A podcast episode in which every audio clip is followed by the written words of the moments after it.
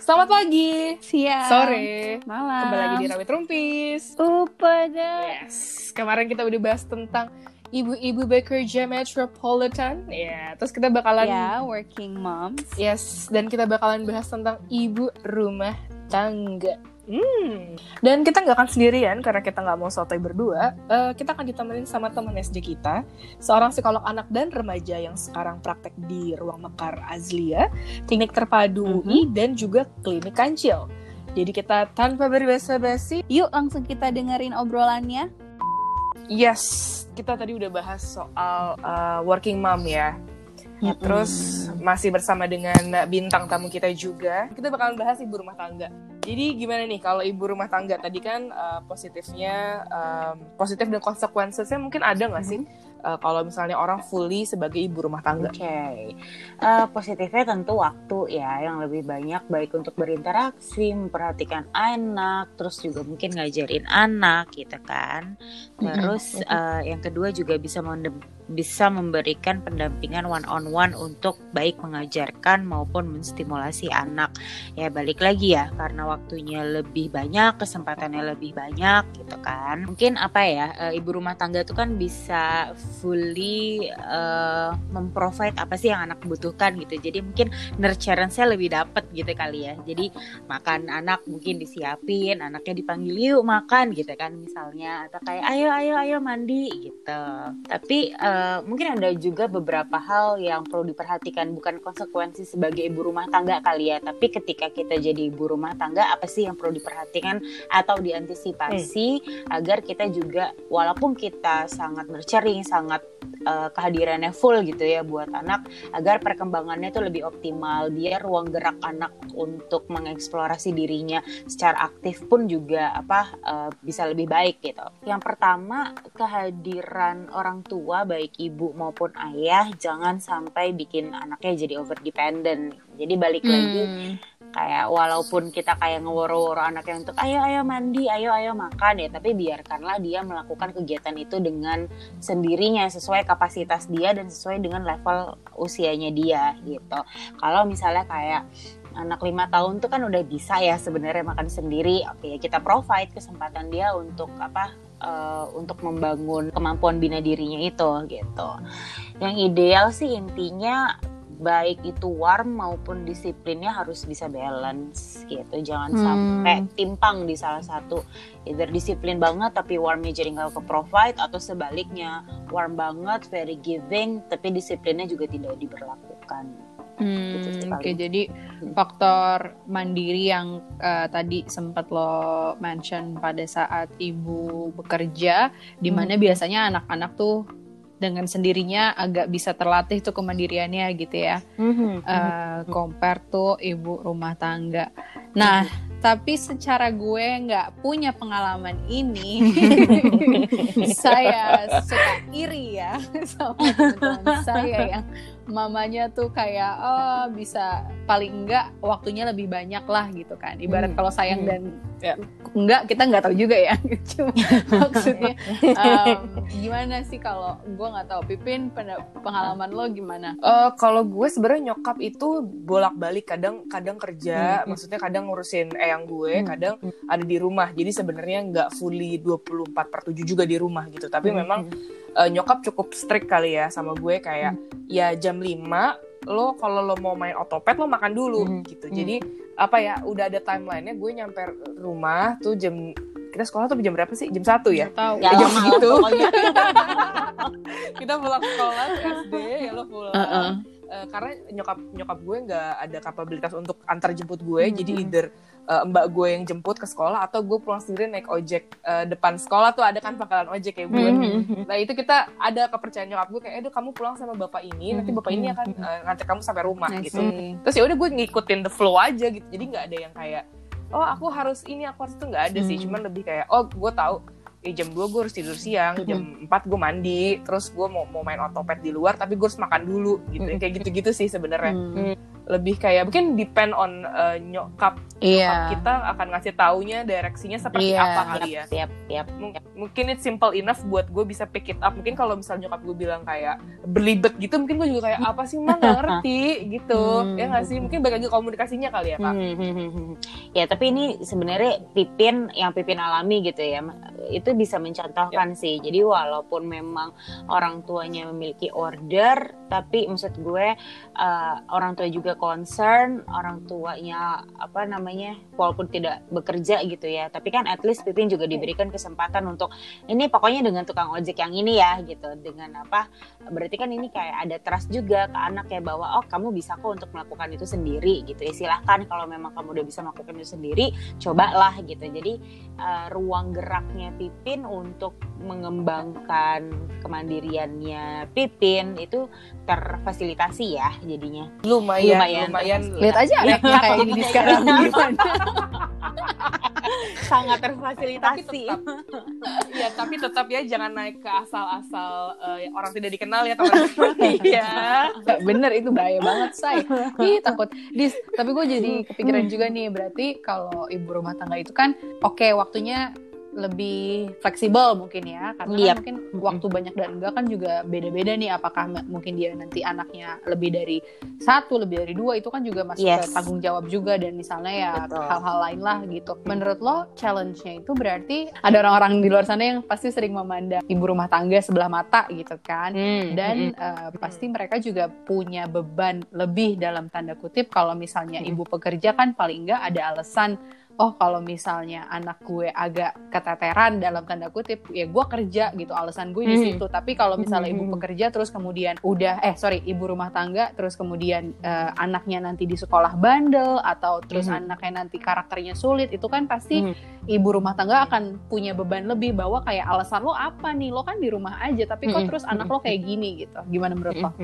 Ya, oke. Nah, ini juga sering banget sih kayak ada stereotip yang muncul gitu ya. Kalau ibu rumah tangga tuh harusnya bisa lebih care dong sama anaknya gitu. Kalau ibu rumah tangga tuh harusnya kayak lebih lebih fleksibel gitu kayak gue kan sibuk kerja, lo kan di rumah doang gitu kan. ya. Hmm. iya lebih hands on Iya. ya say katanya kan Tapi sebenarnya ya semuanya tuh punya porsi masing-masing. Kalau ibu kerja mungkin emang lebih di manajemen waktu dan prioritinya sebagai challenge yang tadi kita udah bahas ya. Tapi di ibu rumah tangga yang sering banget gue temukan ya, baik itu dari klien maupun kan sekarang tuh lagi zamannya kelas-kelas online ya, Bo ya. Ya. Apa namanya eh tahkul wap atau zuminar dan kayak itu diikutin sama ibu rumah tangga yang gue temukan isu utamanya adalah bagaimana mereka bisa memanajemen emosi dan stres itu yang pertama. Ah, Ya. sih. Jadi Oke. bukan berarti bukan berarti ibu apa ibu rumah ibu rumah tangga tuh nggak punya stres gitu kan? Stres juga coy Betul, gitu. betul, betul. sama aja kok bebannya. Walaupun mungkin eh, beda nih hal-hal yang menjadi concern itu yang pertama. Dan yang kedua yang sering gue temukan adalah kadang-kadang jadinya eh, ini mungkin dialami sama ibu-ibu yang lain ya nggak spesifik di ibu rumah tangga aja. Tapi memang lebih banyak nih ibu rumah tangga yang jadinya kayak agak sedikit kehilangan dirinya Hmm.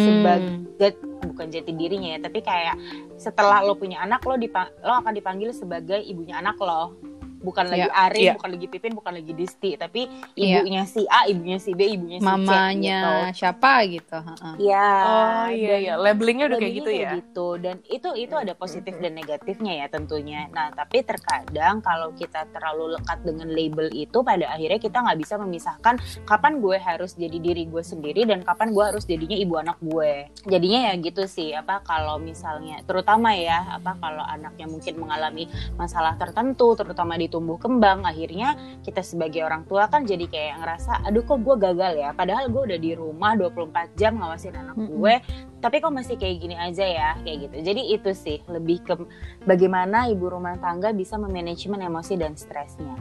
Believe me ngadepin anak rumah tangga belum lagi pasangan belum lagi anaknya banyak ya kan? 24 jam tuh. Wow. Kepada calon suami saya di luar sana tolong. Iya, kayak 08 tolong. Bener, ya bener kan? banget sih. ya belum Setuju lagi gue. lo lagi ngerjain suatu kerjaan rumah tangga atau kayak suami minta Mm-mm. ini anak tiba-tiba minta ini itu nangis berantem sama sibling saya banyak banget hal yang bisa terjadi Aduh. di rumah Iya, dalam iya, 24 jam gitu kan kebayang kak kebayang Eh, tapi oke sebelum kita menuju untuk tips dan trik em, mengelola emosi si ibu rumah tangga Mhm. ini ya mungkin ini lain juga ini sebuah pertanyaan yang cukup eh, dari pengalaman teman-teman Mhm. gue ada beberapa yang setelah mem- eh, posisinya dia ibu muda Mhm. di early 20s lah dia di 20s Mhm. inilah terus punya anak Eh, terus ada merasa eh, selain dia stres dengan eh, adaptasi baru ya udah jadi istri terus punya Mhm. anak lagi kan di lingkungan yang mungkin dia juga belum belum beradaptasi turns out ada ditambah guilt yang seperti yang tadi lo udah bilang bahwa kehidupan akan berubah setelah lo punya Mhm. anak gimana ya cara lu tips and triknya juga mungkin selain kita untuk lebih notice eh, kita memanajemen stres keadaan berubah itu dengan lo punya anak dan lo di rumah 24 jam ditambah lo ada merasa kayak gue tuh kayak ada sesuatu yang belum fulfilling Hmm. gitu kayak harusnya gue di umur segini bisa achieve ini ini nih karena teman-teman gue kayak gini tapi ternyata gue stuck dengan ngurus anak dengan gue ngurus suami dan gue ngurus diri gue sendiri yang bahkan Hmm. Aduh, hampir nggak pernah bisa gue urus Hmm, gitu. Iya dan itu banyak banget teman-teman Iya, gue iya. yang cerita dan gue kayak Hmm. mau bilang ya it's your choice juga gak bisa gue bilang kayak gitu ya kan Dan Betul. namanya juga dikasih anugerah gitu kan jadi gue betul. cuman kayak oh iya eh, Sabar ya, sorry kalau mau cerita Eh, eh, gitu. tapi sebenarnya bukan sebuah jadi gue juga bingung gitu kan maksudnya Iya, sebagai iya, pendengar gue cuma bisa kayak oh iya eh, terus gimana jadi Mm. eh, mungkin ini lain juga mungkin ya untuk eh, itu mungkin dari lo ada nggak eh, di kira-kira tips and trick satu-satu dulu mungkin ya kita bahas. Nah, eh, ini wajar banget sih, Pin. Bahkan eh, apa ini mungkin banget dialami oleh eh, apa namanya ibu-ibu muda ya. Dan apa eh, usia-usia kayak kita 20, 25 tahun, 30 itu kan sebenarnya kebutuhan untuk mengeksplor dirinya juga masih cukup tinggi ya. Maksud gue kayak eh, apa namanya kita udah punya goal hidup nih, kita udah punya set, tapi kan tetap aja kayak sering gak sih dengar yang apa namanya eh, Quarter Oh, life ini crisis. apa? quarter life crisis oh itu adalah Iya. ibuku kak sehari-hari. ya apa di Uh. usia-usia kita ini kan memang sedang masa-masanya ya. Ya walaupun kita udah punya goal, tapi yang namanya manusia apalagi masih jiwa muda ya, tenaganya masih gede, pasti kan kayak udah achieve satu goal tuh pengen lagi yang lain ya kan. Tapi gimana nih ketika lo juga udah punya anak kan the whole things change. Yang pertama adalah uh, take a little time dulu deh untuk step back. Apalagi di awal-awal. Ketika lo awal menikah atau lo awal memiliki anak itu pasti adaptasinya besar-besaran banget. Hmm. Lo menikah ketemu sama orang yang even lo udah lama pacaran pun ketika lo menikah lo tuh beradaptasi lagi deh. Apalagi ketika apa eh, si anak ini hadir gitu kan. Ada lagi peran baru yang harus lo apa yang harus lo sambi gitu ya. Take a Mhm. little time for yourself dulu. Mungkin harus break menata dulu kehidupan lo sampai lo udah dapet polanya. Oh oke kayak gini ya. Jadi anak lebih mengenal kali ya. Anak gue tuh kayak gini gue tuh kayak gini. Kira-kira gimana ya untuk ngatasinnya ya gap antara gue dan anak gue gitu kan Mm-mm. setelah lo udah dapat polanya lo udah lebih terbiasa dengan kehidupan parenthood lo nah lo mulai tuh bisa untuk me- apa ya eh, pelan-pelan mulai rebound back again gitu loh. Apa sih yang lo inginkan gitu? Kayak oh, oke gue mau mulai kerja lagi deh atau oke gue mau bikin eh, bisnis baru. Tapi ya kayak be realistic with that aja sih. Kayak lo punya planning yang jelas tapi ketika planning itu pun harus agak mundur-mundur dan apa namanya eh, dipecah-pecah kali ya stepsnya yang mungkin biasanya lo bisa mengerjakan dua tiga hal sekaligus ini mungkin satu-satu dulu kayak gitu sih. Yang paling Hmm. penting lo bisa stabil dulu dan dapat polanya bagaimana lo bisa eh, menghadapi anak lo dan peran lo sebagai orang tua baru gitu sih Oke, jadi abis itu untuk belajar patternnya dulu, labelingnya sebenarnya kapan gue bisa pakai sebagai pipin, kapan gue jadi mamanya si A, Hmm. kapan gue jadi si istrinya si B Karena gitu kan perannya emang jadi ya. banyak banget sih cuy. iya iya iya mau gak mau Bener. ngejalanin peran yang paralel kan Iya. Oh, aduh. Warga-warga Wow, tegang wow, wow, saya. wow, wow, wow. Lagi kepada calon suami saya di luar sana, halo. tapi Halo, tapi menurut gue tapi Mm-mm. menurut Ya. gue that's the art of parenting sih kayak mau nggak Hmm. mau lo lo harus dituntut untuk menjadi eh, orang yang bisa menjadi sumber nyaman dan aman buat orang baru gitu kan. Ya. Menurut gue itu satu proses pendewasaan yang luar biasa loh dengan lo menjadi orang tua. Betul, pastinya, bener banget. Lagi kita kayak wow. Terkesima kita terbang Oke, oke, gitu ya.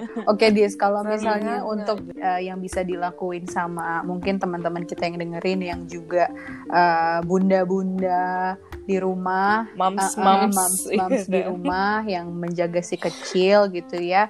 Eh, stres dan lain sebagainya kayak tadi yang udah lo sebutin challenge-nya banyak banget kira-kira gimana sih mereka bisa ngelola rasa stres itu emosi dan segala macamnya Ini tips dari gue ya. Tapi gini, intinya eh, sekarang tuh banyak banget narasumber yang ada dari podcast, dari Instagram dan segala macam gitu ya. Kadang-kadang orang tua pun jadi kayak, "Jadi- ini mana ya harus gue ikutin gitu kan.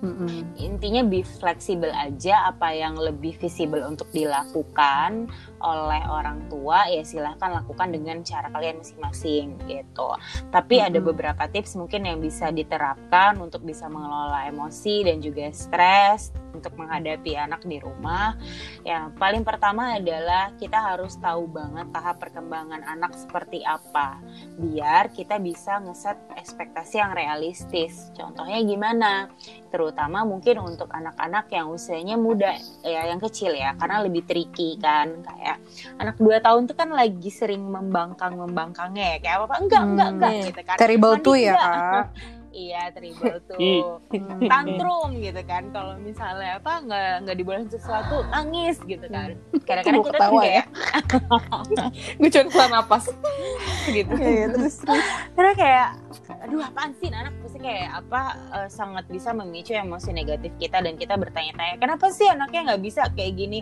Nah kita perlu tahu dulu nih emang itu adalah bagian dari perkembangannya si anak gitu. Dengan kita lebih aware harusnya sih kita bisa lebih menerima ya bahwa oh ya udah ini memang dia belum bisa mengekspresikan emosinya dengan baik sehingga emang tugas gue untuk membantu anaknya lebih regulated lagi gitu. Atau misalnya kayak em, ada orang tua yang stres banget datang ke gue karena anaknya lima tahun susah diajarin baca gitu kan. Hmm. padahal eh, ya memang lima tahun tuh tuntutannya belum eh waktu itu belum lima tahun eh, empat tahun sekian gitu. Hmm. tapi memang eh, apa dia sudah masuk ke ya TK tapi kan memang jelas ya bahwa di empat tahun sekian itu belum ada tuntutan yang sangat tinggi untuk anak bisa membaca. Jadi balik lagi sih kita lebih bisa ngeset ekspektasi yang realistis ketika kita tahu tahap perkembangan anak dan ketika kita bisa ngeset ekspektasi yang realistis kita jadinya nggak ngoyo ya kan Iya. Dibandingkan Nggak nge-push. Ya, nggak aduh. nge-push. Tolong, tolong ya, jangan nge-push. Iya, iya, iya. Make sense, make sense. dan Bener-bener. apa namanya eh, kita juga jadinya mungkin kayak ya namanya manusia pasti ngelihat rumput tetangga gitu kan kayak ih anaknya udah bisa Hmm. ini udah bisa ini kayak gitu kan terus Hmm. kita jadi mungkin jadi beban pikiran buat kita Iya. gitu kan nah sebenarnya itu sih yang perlu dihindari agar nggak jadi beban emosional lagi nih buat apa buat ibunya gitu Lalu eh, kita juga harus tahu eh, our own battle. Kayak apa sih sebenarnya eh, kondisi yang sedang kita hadapi gitu ya, baik dari diri kitanya maupun dari diri anak maupun pasangan atau the whole family-nya kita yang terlibat dalam pengasuhan anak. Maksudnya gimana tuh? Simply kita menerapkan eh, SWOT dalam parenting. Wah, analisis Ini- SWOT ya kak analisis SWOT Betul. ini kadang-kadang Hmm. kayak uh, ah itu kan cuma buat orang kerjaan doang eh, apa orang yang bekerja doang atau kayak nggak Mm-mm. penting kali SWOT itu apaan sih gitu. Tapi sebenarnya nyatanya ini sangat membantu kita untuk bisa lebih mengenal diri kita sendiri terus juga resource yang ada di lingkungan kita dan apa sih sebenarnya yang jadi uh, challenge buat kita gitu. Karena setiap orang tua setiap rumah itu kan punya kondisi aturan value yang beda-beda ya. Strength-nya kita tuh apa? Dari diri kita sendiri ya oh oke saya bisa memprovide ABC buat anak gitu. Saya orang yang caring saya orang yang peduli sama perkembangan anak. Saya bisa mengamati milestone anak saya dengan sangat baik detail gitu ya.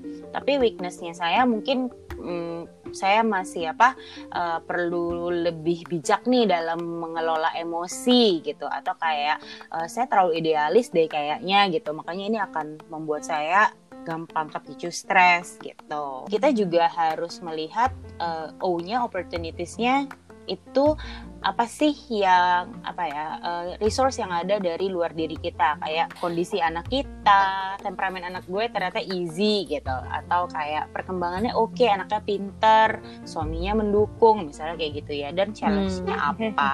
Terus juga balik lagi ya uh, kita harus menyaring informasi dari lingkungan eksternal mana yang urgent untuk benar-benar diperhatikan yang applicable mana yang kayak ya udahlah biar aja menjadi angin lalu gitu Hmm. Oke, okay. itu lagi ya mempersiapkan anak kita buat lebih siap menghadapi kehidupan di luar.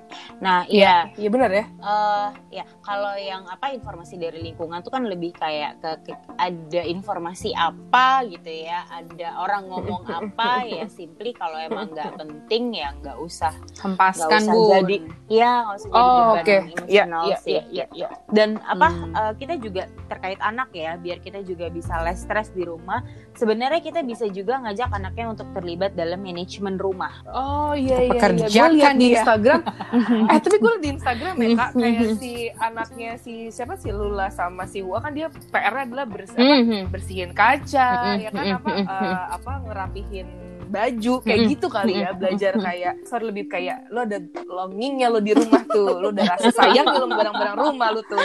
Iya gitu kan ya. iya jadi kita tuh jadi ngajarin dan untuk stimulasi juga ya kita ngajarin untuk mereka hmm. untuk ya turut bertanggung jawab sama apa namanya uh, apa yang ada di rumah benar kayak kata Pipin tadi sesimpli kayak misalnya merapikan tempat tidur gitu kan itu kan kayak ngurangin apalagi untuk ibu-ibu yang nggak punya ART ya di rumah ya yang lakuin hmm. sendiri ya, ini ya. kan akan akan semakin mempermudah pekerjaan kita ya walaupun kita juga harus tahu nih misalnya anak tiga tahun ya pasti nggak akan rapi-rapi amat ngeberesinnya hmm. gitu tapi hmm. itu kan akan semakin terlatih nanti ketika dia semakin dewasa umurnya makin bertambah itu udah jadi habit buat dia dan hmm. akan semakin baik lagi gitu jadi hmm. pas anaknya udah remaja kita udah nggak capek-capek lagi untuk minta dia beresin karena udah terbiasa kan dari kecil me time nih perihal me time ya hmm. jangankan moms dan bunda di luar sana. Gue aja rasanya setiap hari boleh nggak me time.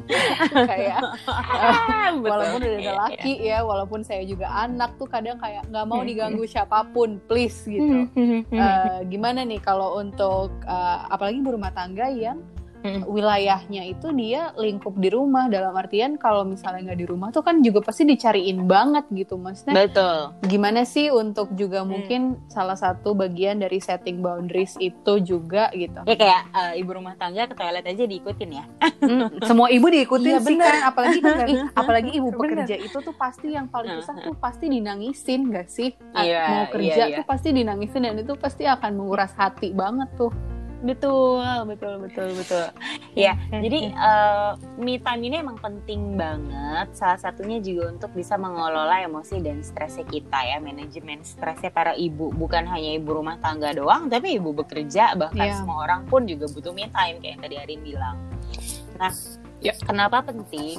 Karena konsepnya me time ini kayak ngecharge badan kita gitu loh. Kayak ya tapi kan tidur juga ngecharge beda nih. Kalau hmm. tidur itu mungkin lebih kayak ngecharge secara fisik. Me time itu untuk ngecharge secara psikologis dan mental. Hmm. Ibaratnya kita nih kayak lagi menuhin uh, botol kita sebanyak-banyaknya gitu ya biar nantinya kita siap untuk uh, ngisi air ke botolnya anak. Konsepnya hmm. kan Oke. Okay kita nggak bisa ngasih apa pun ke orang lain kalau kita sendiri juga nggak punya apa pun kan? Cia sedap. Betul. Bener bener betul. banget betul. Dan ngadepin anak apa uh, ya honest aja ya being honest dan being realistis itu nggak fun sama sekali. Itu sangat menguras emosi. Wow, ya so kan? real guys. Ini tolong dicatat dari psikolog, our favorite psikolog ya guys. Not fun. it's a it's a lot of work loh. Okay. Jadi jangan, jangan lupa jangan di highlight yang nggak enaknya ya tapi. Iya, nggak maksud gue gini, dis. Jangan it's a challenge dan iya, proses ya. Jangan ada orang-orang kayak, uh, aduh punya anak lucu kali ya gitu. Jangan. Iya, iya, iya. Siap-siap ya. dulu say. Gitu. Terus terus lanjut dis. Bener. ya intinya kan challenging jadi kita pun juga harus punya modal emosional yang cukup banyak ya yeah. gitu. nah kadang-kadang mm -hmm. ini tuh suka dilupain dan balik lagi ya dianggap sepele sama orang karena kayak banyak kan mitos mitos-mitosnya me time tuh harus lama, harus pergi jauh gitu, harus kayak ngediem, ngejauh, pokoknya nggak bisa ada orang di sekitar kita. It's totally wrong. Untuk mendapatkan me time, seberapa lama kita harus memiliki me time itu akan sesuai dengan kebutuhan kita. Ada Mhm. orang yang kayak satu menit tarik nafas aja udah selesai gitu loh. Dia udah bisa apa? in- balik lagi ya, Hmm. kuncinya adalah recharging our emotional states. Asalkan kita udah bisa lebih calm, regulate, lebih fokus, ya artinya kita udah cukup ke charge gitu loh. Mhm. Nah, terus eh, me time tuh nggak harus pergi-pergi kok. Bisa di ruangan yang cukup tenang, mau sendiri ataupun enggak, tapi yang jelas kita bisa mindful sama diri kita sendiri. Me time bisa dilakukan dengan self soothing. Nah, di sini kita memainkan indera nih, sensori. Sensori itu kan intinya eh, indera ya, apa eh, penglihatan, pendengaran, face apa sentuhan, terus juga penciuman, perasa, taktil gitu. Nah, di self soothing ini kira-kira apa sih sebenarnya kebutuhan sensori yang yang sangat kita perlukan? Ada orang yang bisa lebih tenang dengan mendengarkan musik misalnya. Jenis musik pun beda-beda. Ada orang yang akan tenang kalau misalnya dia tarik nafas atau mencium bau-bau tertentu kayak essential oil. Ini kan udah banyak banget. Eh, ada yang lebih tenang kalau udah minum teh, tarik nafas atau kayak apa pegang-pegang benda yang bertekstur. It can be anything. Yang Hmm. penting secara sensori kebutuhannya eh, apa namanya kebutuhannya terpenuhi lagi, kita bisa regulate lagi, kita bisa calm lagi. Just go with it gitu. Dan Hmm. apa? eh, nah ini ya contoh contoh me time. Jadi aku mau mencontohkan ada eh, ibu dari lima anak gitu ya. Bayangin lima anak Mhm. dan dia nggak punya Takut, takut, takut, takut. dan dia apa punya deh dia lima anak dia nggak punya asisten rumah tangga. Luar biasa apresiasi. Oke, gimana dia? Tapi ini kayaknya Arin tuh dari tadi kebanyak banyak sekali ketakutan ketika kita Iya. berbicara tentang anak bis, nih. tenang bis, bis. Nanti gue kalau gue udah eh, fokus dan program, gue akan menghubungi rumah Azlia. Mohon maaf nih, mohon maaf nih, karena saya banyak banget ketakutan-ketakutan yang memang harus di overcome gitu kan. Oke, Aduh. oke. Ini kayak pengen gue gali ntar jadi sesi sendiri. Iya bener-bener. Dari tadi Nanti kita- tahu iya. sebenarnya. Boleh kita bahas di tempat terpisah ya teman-teman. Iya, bener-bener. Gimana tadi contohnya mami Oke. anak ini? Oke, mengalihkan topik nggak apa-apa. Iya. Takut, aku takut dibedah. Oke, oke. Jadi me time-nya dengan dia bangun lebih pagi daripada dari suami dan anaknya dan dia ngeteh simple Hmm. Tapi itu dilakukan setiap hari. Kalau skip kalau satu hari aja dia kelewatan untuk ngeteh dan eh, apa untuk nggak ngeteh saat anak-anak dan suaminya belum bangun ya udah Hmm. moodnya berantakan seharian Oke, Gitu. lumayan ini banget ya, eh, apa berpengaruh banget ya berarti? Ya, iya. Signifikan. Signifikan. Tapi kadang-kadang dilupain. Jadi mu- mungkin Iya. mulai bisa eh, atur waktu gitu ya. Kapan kira-kira kalian, ibu-ibu sekalian membutuhkan waktu untuk punya semacam ritual ya. Hmm. Ataupun gini, ketika misalnya eh, anak lagi emosi banget gitu ya, kayak nangis, nangis, tantrum dan segala macam kita nggak siap, kita bisa take a little step back juga kok untuk Iya. gue belum siap, ya udah gue menyiapkan diri gue dulu sendiri, gosok-gosok mentol gitu kan sambil apa nafas gitu kan. Setelah seger ya udah baru dihadepin lagi gitu. Ya udah ini loh konfliknya sebenarnya. Tapi at least ya kita udah punya apa eh, udah punya cadangan energi gitu ya untuk ngebahas untuk berhadapan dengan konfliknya apa Iya, gitu. Berarti kalau gua boleh eh, ambil salah satu pesannya adalah walaupun kita sebagai ibu harus memikirkan semuanya tentang anak kita, kita juga jangan lupa untuk mengenali diri sendiri nggak sih, say? Betul, betul banget. Nggak kayak karena yang tahu yang tahu apa namanya kita ya kita sendiri Betul. gitu kan. Kalau memang kita kalau misalnya kita perlu step back ya step back. Kalau misalnya kita masih ngerasa mampu dan let's do it gitu Betul sih Kak? sekali. Sebenarnya kalau kita tarik benang merah dari ibu yang bekerja dan ibu yang di Iya. rumah sama aja capeknya kita lihat-lihat Iya, sih iya. challenge-nya sama aja maksudnya nggak ada tuh nyinyir-nyinyir yang kayak alo enak bisa kabur ke kantor nggak ketemu Hmm. anak 24 jam dengan tantrumnya hei sayang aku juga di, di kantor Yang tantrum ketemu bos anak aku. juga keren ya bayi gede itu dia. ada iya apa anak gede nih kan satu sama anak kecil di rumah jadi kayak tantrumnya dua Iya. gitu betul jadi em, ya kita harus stop lah untuk kayak blaming each other atau kayak accusing each other merasa lebih apa ya kontes penderitaan Iya. juga satu sama lain Betul, karena betul. karena memang sebenarnya kita semua sama-sama struggling dan uh, mungkin dari Disti dulu deh kira-kira ada nggak sih pesan buat dua-duanya? Oke, intinya gini ya, ibu tuh bukan cuma yang eh, yang punya banyak waktu di rumah yang bisa memperhatikan anak, bukan masalah seberapa banyak kita bisa hadir di dekat anak gitu ya, bukan masalah seberapa kita bisa mengarahkan seluruh kekuatan power kita Ya. untuk eh, apa namanya mengarahkan anak gitu ya. Hmm. Semua orang bisa jadi ibu, baik itu working mom ataupun eh, ibu yang ada di rumah dan kayak ibu yang ini kan banyak banget juga stereotip lain kayak ibu yang nggak bisa apa eh, melahirkan normal gitu. Oh Kayak iya itu udah Oh iya. ada lagi ya. besar gitu kan Oh. atau kayak ibu yang apa nggak bisa produksi asinya nggak bisa lancar segala Nah, macam itu tidak membuat mereka tidak Betul. bisa menjadi ibu ya betul. Betul. Betul. Oke. Dan Setuju. apa eh, menjadi ibu tuh menjadi orang tua itu it's all about connection.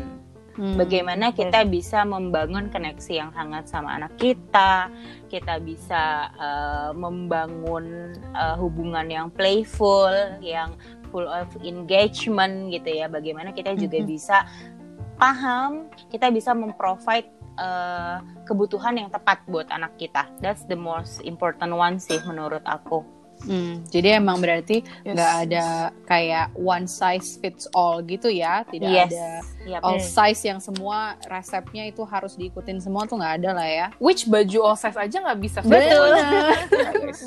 juga itu adalah hanya marketing belakang. Ember. Nah seru banget, Iya, bener, jujur gue seru banget sama omongan ini. Dan pasti kalau kita ngomongin tentang moms, pasti kita ngomongin Hmm. tentang dads-nya juga dong Iya. ya. Tentang ayah-ayah ini gimana sih dinamika eh, ayah yang aktif membantu di rumah atau tidak membantu di rumah gitu. Atau mungkin ada juga Disti misalnya ada eh, klien-klien yang mungkin bahkan stay at home dad. Gue nggak tahu juga ya. Cuma menarik Hmm. tuh ngomongin tentang ayah-ayah dan gimana Pin? next epi next episodenya kita akan bahas kalian semua emang kalian kira kalian lolos iya, jadi cowok-cowok bahas yang dengerin ini juga akan kita bahas tentang Terbahas, bapak-bapak. tersentil ya. seret aja suaminya suruh dengerin nggak apa-apa Betul sekali. maksa Betul, betul, betul, betul. Jadi kan Mm-mm. soalnya kan buatnya berdua, jadi tanggung jawab siapa dong? exactly. Berdua Oh, juga. Exactly. Itu, dia. wah itu banget Nggak ada itu lu itu alasan-alasan lu nyari-nyari duit, nggak ada, nggak ada. Lu nyari duit, perempuan juga bantuin di rumah, ya anak harus bareng tetap gitu kan. Betul sekali. Iya iya. Dis, eh, sebelum kita closing, kira-kira eh, gimana nih kalau misalnya teman-teman mau ngobrol lebih banyak lagi sama lo, mungkin menggunakan jasa lo dan eh, konsultasi-konsultasi bisa ke mana nih kira-kira? Kalau ada eh, teman-teman atau para parents di luar sana yang ingin melakukan konsultasi, bisa ke Ruang Mekar Azlia. Aku praktek di sana. Bisa DM, cek aja di Instagramnya @ruangmekar.azlia atau bisa ke WA admin di 0811 430 255. wow it's been super fun dan super nice Yap, gue asli. kayak aduh nggak pengen udahan sebenarnya tapi waktu jualah yang memisahkan Betul. Cie. thank you banget Thank buat you banget loh, ya, Dis. Sama-sama. repot-repot menyisihkan waktunya me juga ya. Seneng banget udah dengerin. Kalau lo merasa takut kayak gue, lo harus coba tuh uh, follow Instagramnya Rumah Mekar Azli ya, biar mungkin uh, trauma-traumanya agak bisa berkurang gitu ya kak. Terus juga Iya, moms di luar. Sana juga yang expecting atau yang sekarang lagi ngurusin baby juga bisa cek ke situ. Jangan lupa juga follow Instagramnya Rawit Rumpis. share episodenya kalau misalnya ngerasa ini ngebantu kamu atau teman kamu yang memang lagi membutuhkan juga Mm-mm, betul. stay safe eh, jangan lupa pantengin terus episode baru kita setiap hari Jumat jam 5 sore Bye. bye